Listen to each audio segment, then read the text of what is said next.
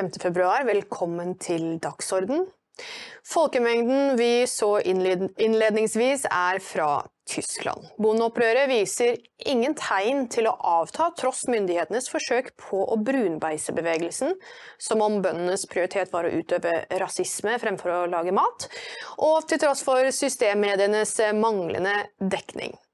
I Hellas, hvor enkelte bønder ble terrorisert av illegale migranter som satt fyr på avlingene deres for noen år tilbake, de har også fått ny giv i kampen mot EUs undertrykkelse og globalistenes destruksjon av samfunnet. Vi skal se et klipp.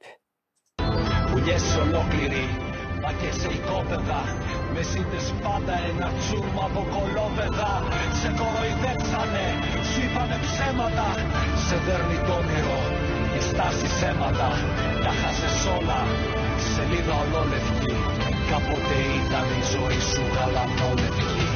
Καληνύχτα Ελλάδα πες σε κλειδί σου. Δεν χωράω το ίδιο σπίτι μαζί σου. Καλημέρα όταν σου είπα πριν χρόνια Bondeopprøret ser dessuten ut til å gi folk håp og styrke til å reise seg mot elitistene. I Frankrike ber folk om frexit, altså om at Frankrike skal forlate EU. Vi skal se et klipp.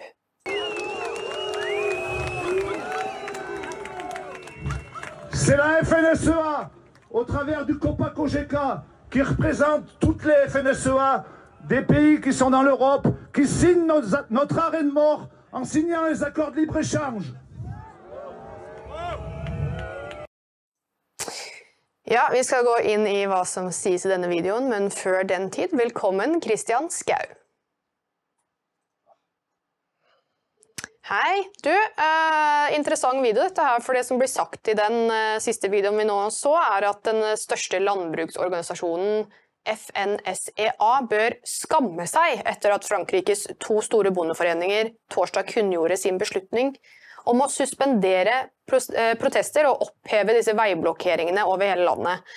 Og ehm, det ble gjort i en eh, noe som kalles en dramatisk utvikling, kort tid etter at den franske statsministeren avduket et nytt sett med tiltak eh, som de ser på som håndgripelig fremgang, altså bøndene. Og det er da Christian, statsminister Gabriel Atal som eh, kunngjorde 150 millioner euro i eh, såkalt bistand til husdyrbønder og en reduksjon i skatter på gårder som overføres fra eldre generasjoner til yngre. Og landbruksminister Mark Nå er navnet der er veldig vanskelig. Fransk er vanskelig for meg, Christian. Du får hjelpe meg. Fesneau. Mark Fesnow, eh, som talte etter Atal. Eh, han annonserte en pakke på to milliarder euro for å gi lån til de som etablerer seg som bønder. Og så eh, vil jo den franske regjeringen de vil doble antall kontroller for å sanksjonere næringsmiddelindustrigrupper og supermarkeder som ikke overholder en lov fra 2018 ment til å betale en rimelig pris til bøndene. Og denne boten kan nå eh, opptil 2% av salgsinntektene til selskapene som ikke overholder disse kravene. Og så vil franske politikere foreslå eh, opprettelsen av en europeisk kontrollstyrke for å bekjempe svindel, spesielt når det gjelder helseforskrifter og bekjempe import av matvarer som er i strid med europeiske og franske eh, helsestandarder. Kristian, eh, selv om det her eh, holder for bondeorganisasjonene, så ser det jo ikke ut som det holder for alle bøndene, da? Uh, nei, absolutt ikke. Og det, det, er et ganske interessant fenomen. Fordi de største bondeorganisasjonene de representerer åpenbart ikke alle bønders interesser så bra. Eh, og eh, det er jo sånn med disse store landbruksorganisasjonene i Frankrike og for så vidt også Italia, her hvor jeg sitter, at eh, de har jo et nokså nært forhold til myndighetene, i den forstand at når det skal iverksettes ny landbrukspolitikk, så forsøker man jo å gjøre det i, i samråd da, med noen foretrukne samtalepartnere. Og da er det jo gjerne sånn at de, største bransjeorganisasjonene er, er med på det. Men så er det jo da ikke alle som eh, driver like stort. Eh, en ting som mange bønder har klaget på, det er at det er for mye regler. Og det De reglene er også noe vi ville anse som, som woke. Jeg kjenner en del folk som driver med olivenproduksjon. Her hvor jeg bor, så er det den største tettheten av oliventrær i hele Italia. Så det er en stor business her. Og noen av dem driver eh, bare sånn privat, og andre driver profesjonelt. Og de som driver profesjonelt, de sier at det er et forferdelig mas å skaffe seg de nødvendige sertifiseringene som du trenger for å bli akseptert som kommersiell partner. Og en av dem handler jo da f.eks. Eh, om eh, ja, altså sånne ESG-ting. Eh, at du skal vise at du driver karbonvennlig og bidrar til sirkulær økonomi, og at du ikke belaster sosialt på noe. Og det er klart, hvis du er en kjempediger virksomhet, så er ikke dette så ille. fordi da har du alltid noen som kan ta seg av alt dette byråkratiske tullet. Men hvis du ikke er så stor, eh, så er jo da eh, veien kort til at man gir opp. Eh, altså, jeg vet jo om én, ikke altfor stor produsent, som, som, år etter år skaffer seg disse sertifiseringene, for han sier han, han kan ikke drive uten. En annen som da ikke har samme behov, da, har rett og slett bare gitt opp. Han sier at heretter så skal jeg bare produsere for, for kjentfolk. ikke sant? Så det er jo her eh, kan du si, bikkja ligger begravd. At EU eh, e har jo da fremdeles denne overordnede landbrukspolitikken, hvor alt liksom skal eh, være i det lange løp klimanøytralt og ja jeg vet ikke hva. altså Av disse ESG-kriteriene så skal man jo vise at man bidrar på alle kjente woke-måter. ikke sant? Og flere av disse produsentene syns jo det er noe forbanna tull. Altså, Så, eh, ja. Ja, nei, jeg bare tenker at eh, liksom, Det å være bonde har blitt papirarbeid. og Hvis du da ansetter eh, dragartister og transvestitter til å plukke druer eller hva var det du sa, oliven, så har man fylt de kriteriene da, liksom? Eller er ikke det nok? Ja, Det skulle ikke forundre meg. Altså, jeg vil jo heller uh, gjøre ganske mye annet før jeg setter meg ned og begynner å lese disse sertifiseringstekstene. Det tror jeg må være en tortur av en annen verden. Ja, det er du ikke alene om å tenke. Men altså, uh, det ligger jo da Vi har jo sett protestene i Frankrike mot regjeringen uh, og mot for så vidt også EU. har jo vært ganske omfattende. De har jo blokkert en hel rekke byer. Ja, Um, da, unnskyld, da kommer jeg jo til slutten på resonnementet mitt. At de organisasjonene som da liksom representerer de store, uh, de vil da si at ja, ok, nå er det bra nok, nå har vi fått nok penger av regjeringen. Mens de som er små vil si at nei, vet dere hva, dette her er ikke nok. Vi uh, vil ha full opprydning. Og dermed så oppstår det da en splittelse i bransjen. Ja, det ser ikke, Selv om bondeorganisasjonene sier seg fornøyd og ber folk slutte å blokkere, så er det da altså flere bønder som ikke vil det, og en av de er jo da Sebastien Bero. Eh, Bero? Jeg håper ikke jeg eh, slakta navnet hans helt der. Men eh, vi skal se en video eh, hva, hvor vi Der kommer ganske klar, fram i klar tekst hva han tenker om EU. Je vous propose, puisque tous sont d'accord pour sortir de l'Union européenne, qu'on se débarrasse du drapeau de Van der Leyen Brexit, Brexit, Brexit, Brexit, Ja, Christian, de vil ut av EU, de vil ha en frexit. Eh, vi har jo sett en del demonstrasjoner fra Frankrike. Vi hadde jo gule vester, bøndene har virkelig virkelig stått på i Frankrike. Folk er ikke like hva skal vi si, skuggeredde i, i Frankrike som kanskje andre steder i Europa. Eh, men denne frexit-bevegelsen den er vel kanskje litt ny, eller? Eh, den er ikke ny, men den har jo aldri hatt noe særlig eh, innflytelse. Altså det, det med å forlate EU, det er nærmest et, ja, om ikke tabu i de største EU-landene, så er det i hvert fall terskelen veldig høy for å bare begynne å nærme seg og tenke på å forlate EU. Du vet, når man hvis man i Norge har sett forslag om eh, at vi skal gå ut av EØS, så kommer det alltid noen som sier at nei, da vil økonomien vår gå helt i stå, vi vil ikke fått eksportert varene våre og alt sånt sludder. Hvis, hvis, noen foreslår i Tyskland eller Frankrike eller Italia at det kanskje hadde vært lurt å forlate EU, så får du tekster som er helt klin like, bare at de er på et av disse tre språkene. Nei, nei det kan vi ikke gjøre, da vil økonomien vår gå i dass. Og, det, og dette her er jo da blitt et meme, ikke sant? alle bare tenker det. Og så, og så lever man inne i en boble hvor EU er liksom som om det var en slags eh, naturkonstant. Men det er jo ikke det. Altså, før eller senere så vil jo da sannsynligvis også i disse store, største EU-landene, så vil det da etter hvert komme opposisjon mot EU. Det er vel eh, det er klart, Jo lenger dette grønne vanviddet fortsetter, desto større vil trykket bli eh, i så måte. Så Derfor så er det jo så viktig hva som skjer nå. Altså, Vil, vil vanviddet bli dempet i år, eller vil det fortsette? ikke sant?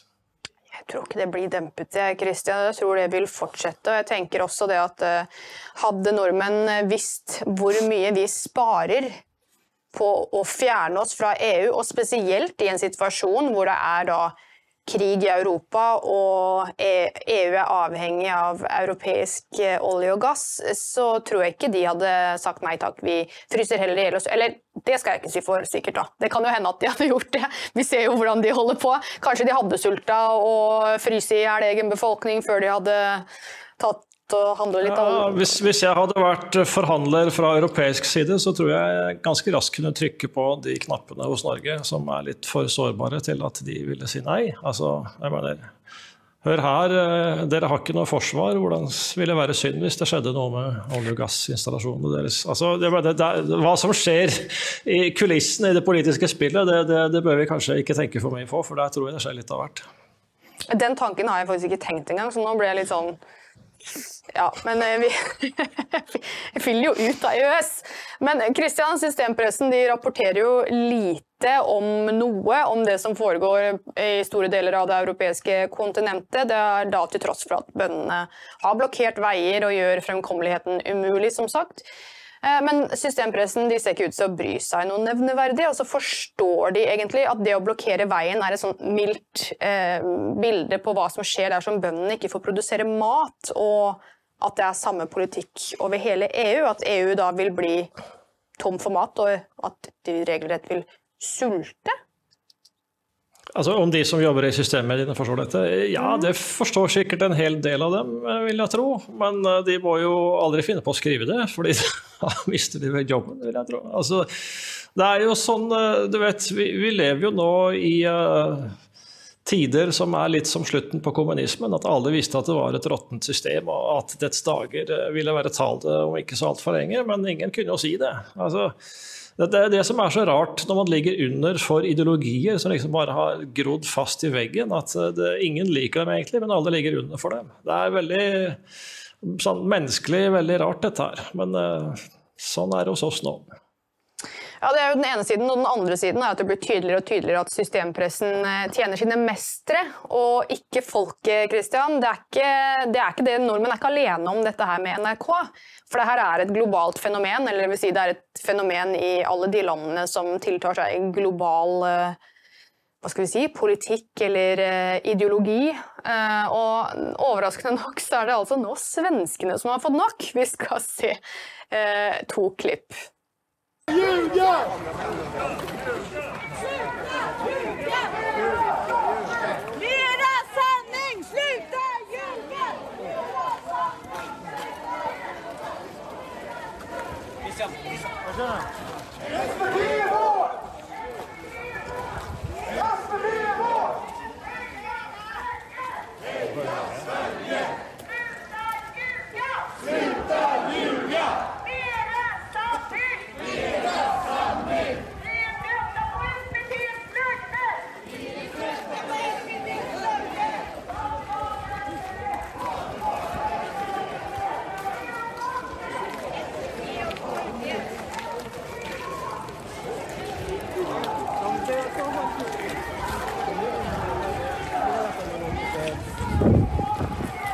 tillbaka SVT.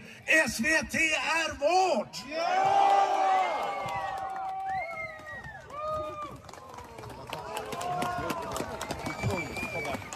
Ge henne en applåd!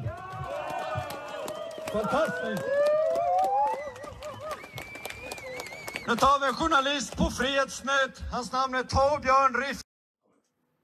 Dette så vi ikke komma. Eller hva, Christian? At svenskene skulle tilbake, demonstrere for å ta tilbake SVT Slutt å ljuge, fortell sannheten? Ja, Det var ingen selvfølge. I hvert fall ikke at det skulle være så mange mennesker som demonstrerte og gikk i tog. eh, Og, eh, og det, er jo, det er jo vakkert, for de, de setter jo fingeren på det store problemet, altså indoktrineringen. Eh, mange vet i sitt stille sinn at eh, det går ikke så bra, og så er den offisielle fortellingen at jo, det går kjempebra, og nåde deg hvis du tror noe annet. Men, det er jo også tydelig at ikke alle disse her var drevne demonstranter. Uh, altså F.eks. han som gikk med en plakat med tekst som han vifta med. Altså, da vil jeg bare gi et tips. Du kan gjerne vifte med flagg, men ikke vift med teksten, for den skal man liksom fiksere blikket for for å, for å få med seg hva som står der. Altså. Men altså, folk har da eh, uten demonstrasjonserfaring gått ut for å demonstrere mot uh, svensk uh, stats-TV. Det, er, det er vakkert. Det er helt nydelig og på høy tid. Eh, Jeg satt og tenkte i mitt stille sinn da jeg så dette her, Christian, at eh, det hadde jo vært fint om nordmenn gjorde det samme mot NRK, men dessverre så tenker jeg at NRK er, altså de som arbeider i NRK er så indoktrinerte at det beste er egentlig å bare legge ned hele NRK og begynne på nytt. Ja, ikke sant. Det er en bra start. For det, Vi har jo medier Christian, som liker å um, hva skal vi si, pynte på fortellingen eller un, ved å unnlate å si ting. Og Vi skal uh, ta et eksempel fra vår egen presse når vi er tilbake etter en kort reklamepause. Hei! Vi i Dokument Er glade for at du leser oss hver dag. Lytter til dokumentradio. Og ser på Dokk TV. Redaksjonen produserer døgnet rundt. Og trenger både abonnement og donasjoner. Dokument er unikt i Norge. Vi er det eneste virkelig konservative mediehuset. Støtt oss på VIPS nummer 638941. Det Kent sa. VIPS nummer 63 89 41. 63 89 41. eller bli abonnent.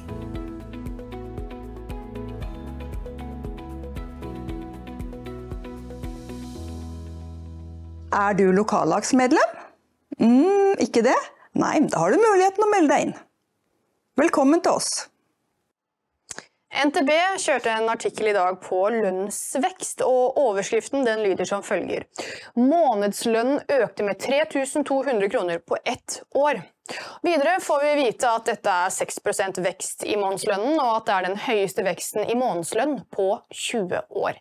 Nede i artikkelen får vi vite at eh, lønnsulikhetene minker, at kvinner har hatt den sterkeste lønnsveksten, og at det jevner seg ut mellom lavlønte og høylønte. Det males rett og slett som en slags gladsak. Men hva med prisveksten? Eh, altså, vi finner én linje i NTB om dette. Én linje. Og det inngår i denne, eh, dette sitatet. Veksten i månedslønn påvirkes særlig av at lønnsoppgjøret i 2023 var bedre enn tidligere år, og kan ses i sammenheng med den sterke prisveksten de siste årene, sier spesialrådgiver Håkon Grini i SSB. Men hva var prisveksten på, Christian? Altså, var den på 6% 8 7 Hva, Hvordan beregner man denne prisveksten? Uh. Ja, det, prisveksten jo, måles jo med en indeks som er basert på en slags uh, varekurv. Eller ikke bare varer, altså en slags uh, Man setter sammen en gruppe varer og tjenester som man da tenker seg at en gjennomsnittsfamilie vil trenge, eller en gjennomsnittsenslig. Og så kommer man frem til et prosenttall, og jeg vet ikke, hvis lønnsnivået har økt med 6% så har kanskje prisene gjort omtrent det samme. Det vil vel være i tråd. Men altså, det er jo da indeksen. Uh, spørsmålet er jo Det er to spørsmål her, egentlig. Det ene er uh, blir indeksen regnet ut på en ærlig måte. Altså, man kan jo tenke seg at et statistikkbyrå også er politisert, og at det gjerne vil levere den prisveksten som oppdragsgiverne ønsker seg. Så da kan man jo bare sherrypicke litt varer og tjenester for å få det tallet man vil ha. Men om vi legger til grunn da, at, at SSB da gjør dette arbeidet noenlunde ærlig, så er det et annet spørsmål. Altså, Hvor interessant er egentlig denne gjennomsnittsindeksen for deg og meg? Det er jo lite sannsynlig at du Rebekka eller jeg Christian, har de samme utgiftene som denne matkurven eh, og varekurven, eh, tjenestekurven til SSB består av. Altså, jeg, jeg, tenker som så at uh, denne indeksen er omtrent like interessant som, som klodens gjennomsnittstemperatur. ikke sant? At uh, Eh, jeg mener, Hvis du har et eh, bestemt eh, økonomisk liv, så kan jo en gjennomsnittsprisvekst kan jo skjule ekstreme individuelle forskjeller. For noen kan det jo være helt fint. Da er kanskje deres vare til og med blitt billigere, mens andre har fått klart dyrere. Så jeg mener, nå blaffen i prisindeksen. Se hvor mange det er som står i kø for å få utdelt mat. ikke sant? Det er jo Bruk øynene, ikke sant. Er, er, det flere biler som kjører rundt med bolk nå? Går folk lenger eh, i slitte... Altså, det, det, er eh, men statistikk er jo da ideelt for en politiker å bruke til å, å bullshitte det han eller hun trenger til å overbevise sitt eget publikum. Så eh, jeg mener gjennomsnitts... Det blir som den der gamle spøken. Hvis du har én hånd i iskaldt vann og en annen hånd i kokende vann, så har du det gjennomsnittet sånn ganske bra. Og det er jo faktisk så dumt så, som det der, å, å, være konsentrert om klodens gjennomsnittstemperatur, fordi at variasjonene er så enorme. Grunnen til at jeg tok opp dette med prisvekst, Christian, og ikke minst SSB, det er jo fordi at her snakker man eh, først og fremst om eh, den høyeste månedslønnsveksten på 20 år. Det er den ene tingen. Den andre tingen er når man snakker om prisvekst, så snakker man om de siste årene. Eh, og vi vet alle sammen at vi har hatt et, det politikerne kaller dyr tid. altså alle kostnadene som følge av de politiske beslutningene som EU og World Economic Forum har tatt på vegne av eh, Norge, eh, de har slått seg ut på lommeboka til folk. Så om du har en økning på 6% i månedslønnen din, så dekker ikke det inn den strømregninga på 2, 4, 6, 10 000 i måneden, pluss høye matvarepriser. Altså, det er jo det er en ubalanse i denne artikkelen som maler noe som noe veldig bra, men det er jo ikke det. Nei, absolutt ikke. Altså, det er jo, folk merker jo selv om de har god eller dårlig råd. Altså, jeg er helt brennsikker på at matvareprisen har økt med mye mer enn 6 det har hvert fall, Jeg bruker mye mer på mat nå enn jeg gjorde for ikke så lenge tilbake. Og, altså, strømmen, energien har jo økt overalt. så der, det kunne kanskje vært et undersøkelsesprosjekt å gå inn og se hvordan er det egentlig SSB lager den indeksen. Mm. Uh, så det og Det vil jo da bli ekstra interessant eh, når regjeringen etter hvert skal begynne å fase ut eh, strømstøtten. Altså, det, er, det er mange muligheter for å trikse her, men eh, Ja, men du må huske på det hmm? Nei, kjør på. Nei, jeg tenkte bare å si at Man må huske på det at nei, vi kan ikke ha noe fast strømpris. Vi kan ikke ha strømstøtte for alltid. Vi kan ikke sette prisen til 30 øre for alle nordmenn. Men de kan gjøre det for et tysk jernbaneselskap i 20 år fremover. Husk det. Ja, altså Det der er jo en, en urett mot egen befolkning som er så, så, grov at det egentlig burde vært mulig å få fulgt det rettslig på en eller annen måte. Jeg kan ikke skjønne annet. Ja, men altså selv om, nå er jo ikke, Folk går jo ikke ut i gata over det her. Det har vært noen demonstrasjoner i forhold til dette med strøm, men det har dempa seg av en eller annen grunn. Og, og Jeg vet ikke hva det er med nordmenn som gjør at vi venner oss til sånne ting. men selv om folk ikke tar til gata mot regjeringen, EU eller NRK her til lands, så skjer det allikevel noe. For eh, tilliten til politikerne nærmer seg et bunnivå, viser eh, Opinions eh, samfunnsmonitor. Målingen viser at mer enn sju av ti nordmenn, altså 73% tror at flere statsråder må gå av fremover pga. plagiering i universitetsoppgavene sine. Og kun 7% sier nei, mens resten svarer vet ikke. Og nesten sju av ti nordmenn, altså 68% mener disse sakene i stor grad har påvirket tilliten deres til politikerne i Norge generelt sett. Og det skulle vel bare mangle. Det er en økning på 11 prosentpoeng fra oktober i fjor, da 57% svarte det samme. Og det var i denne perioden preget av eh, aksjehandelen til allikevel ikke siviløkonom Sindre Finnes, eh, med kjøpt ring og flere andre statsrådsavganger. Det melder NTB. Og ikke bare det, men nå snakker Ola Borten Moe ut. Eh, faktisk så totalslakter han Norges EU og EUs klimapolitikk Det grønne skiftet og klimamålene er totalt urealistiske og ødeleggende for økonomien og vanlige folks muligheter, sier han i et intervju med Dagbladet søndag. Ja, han frykter eh, et avindustrialisert Europa og et folkelig opprør. Eh, vi eh, har forsøkt å komme i kontakt med Ola Borten Moe, så får vi se om det lykkes. For Document har jo stått på for å avsløre dette narrativet i flere år, Christian, at klimapolitikk ikke er annet enn selvdestruksjon. Men det er altså først nå vi har en norsk politiker som uttaler, altså fra Stortingspartiet som uttaler seg sannferdig om klimareligionen på tinget.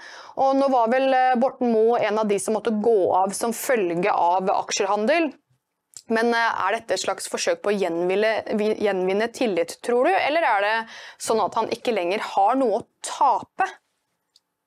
Ja, Det er ikke nødvendigvis noen motsetning mellom de to tingene. For det ene kan være i det korte løp, og det andre kan være i det lange løp. Det er klart, Han eh, tar jo ikke gjenvalg til Stortinget, eh, så han er jo da bare en del av stortingspartiet i halvannet år til. ikke sant? Så da Sånn sett har han ikke noe å tape. Han skal ikke prøve å kravle seg høyere opp på maktens tinde akkurat nå.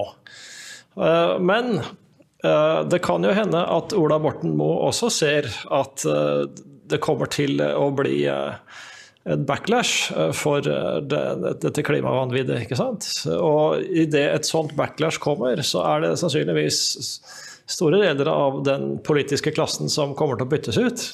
Og da kan det godt hende at han eh, gjør et comeback. ikke sant? Det, det, er jo verdt å merke seg at han er jo ikke den eneste selvstendig tenkende politikeren som, eh, som da er på vei ut av politikken, eller allerede er det. Uh, Torbjørn Røe Isaksen i Høyre.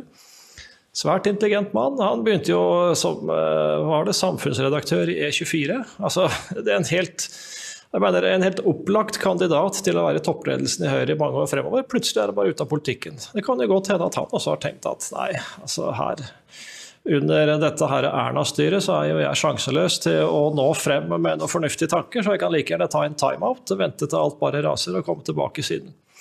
Så det er, er ellers litt morsomt. Den, den, boka vi ga ut av Halvor Fossli for noen år siden, eh, 'Mot nasjonalt sammenbrudd', så pekte jo han da på mulige fremtidshåp i norsk politikk. Det var hvis Sylvi Listhaug, Ola Borten Moe og Torbjørn Røe Isaksen sammen kunne liksom bli partiledere for sine respektive partier og danne regjering. Så det, det, ser jo ikke så bra ut med to av dem eh, enten ute eller på vei ut av Stortinget, da. men kanskje i eh, det lange løp. da. Kanskje om noen år eh, så kan de da komme tilbake som triumfatorer. Skulle ikke forundre meg. Eller så, eh, man, må, ja, man må jo huske på at Borten Moe også er jo bonde, da, så det er jo litt sånn bondeopprør hos han nå, kanskje, når han eh, gir, viser fingeren til alt dette her. Ja, det er godt å se, men han sier jo da at uh, han har advart internt. Altså, alt det som foregår bak lukkede dører, Christian, vi får jo ikke med oss det. Men jeg, jeg, reagerer på det at man har advart internt, og så tar man da denne politiske debatten innenfor Stortingets vegger, men idet noen på utsiden, sånn som f.eks. Document, som har prøvd å debattere dette her i den offentlige samtalen, blir brunbeisa og svartmalt og trøkka ned i en boks som de henger hengelås på, slenger ut på sjøen og håper at det kommer en vindturbin rett oppå og holder deg drukna for evig og alltid. Altså, Hvorfor har man ikke tatt denne samtalen utenfor Stortinget? Jo, det er jo fordi at de ikke vil forstyrre eh, EU og eh, si, våre utenlandske samarbeidspartnere med den politikken de ønsker å føre, og ikke den politikken folk ber om. Altså her må vi skille litt mellom Stortinget og regjeringen. fordi Borten Moe har jo vært statsråd. Og når du er statsråd, så kan du ikke gå ut og si at du ikke er enig i regjeringens politikk. Eh, sånn er det. Men uh, i det uh, klimaloven, altså loven om klimamål, som uh, den ble vel uh, Saksbehandlingen begynte vel i Stortinget i 2015-2016, og den ble vedtatt i 2017 og satt i kraft i 2018. Så her har det jo vært en lang politisk prosess uh, hvor alle stortingsrepresentanter hadde muligheten til å, uh, å sette spørsmålstegn ved noe av dette vanviddet. Men uh, til slutt så ble jo da loven om klimamålene såkalt vedtatt av et enstemmig storting. Og det forteller jo eh, noe om hva slags eh, massiv konsensus som er blitt påtvunget her. ikke sant? Alle har sikkert tenkt at Parisavtalen det er Bibelen og evangeliet og det ene med det andre. Så her kan man ikke si nei. Det er det som er problemet. At eh, det har ikke vært noen reell diskusjon. Man har trodd på fortellingen om at det er vitenskapelig konsensus, og vi kommer til å bli stekt hvis ikke vi slutter med dieselbiler og alt dette tullet. Eh, så det har jo ikke kommet dit hen i norsk politikk enda at noen tar til motvære mot dette. Altså Selv Borten Moe, eh, uansett om han slakter politikken, så, så går han jo ikke i, i rette med akkurat eh, dette premisset for den. Så det får vi håpe er neste skritt. da. Vi får håpe det, for nå er jo riktignok Nå har jo denne avindustrialiseringen pågått i en årrekke, Christian. Vi skal jo leve av å klippe håret til hverandre og puste frisk luft. Og det folkeopprøret er jo i gang på kontinentet, til folkets store glede. Så, så den, den, har allerede Disse hjulene har allerede begynt å, å spinne. Og med det sagt så er det sånn at fredag 9.2 så kommer Andrew Bridgen, altså britiske parlamentarikeren som har engasjert seg i global helsepolitikk og de pågående verden, hel, Verdens helseorganisasjon-forhandlingene. Eh, Philip Kruse, sveitsisk advokat og spesialist eh, i eh, konstitusjonell rett med søkelyset på WHO, kommer også.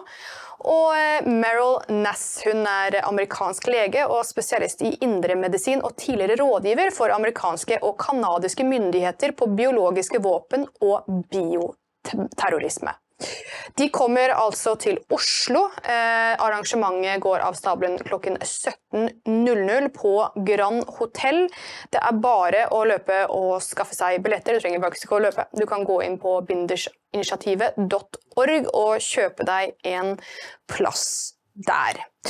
Kristian, eh, det går fremover. Det er eh, opprør mot Verdens helseorganisasjon, mot eh, FN har blitt avslørt som terrorister. Det er opprør mellom, i, i bondebevegelsen i Europa. Flere land slenger seg på, selv om Frankrike forsøker å dempe det.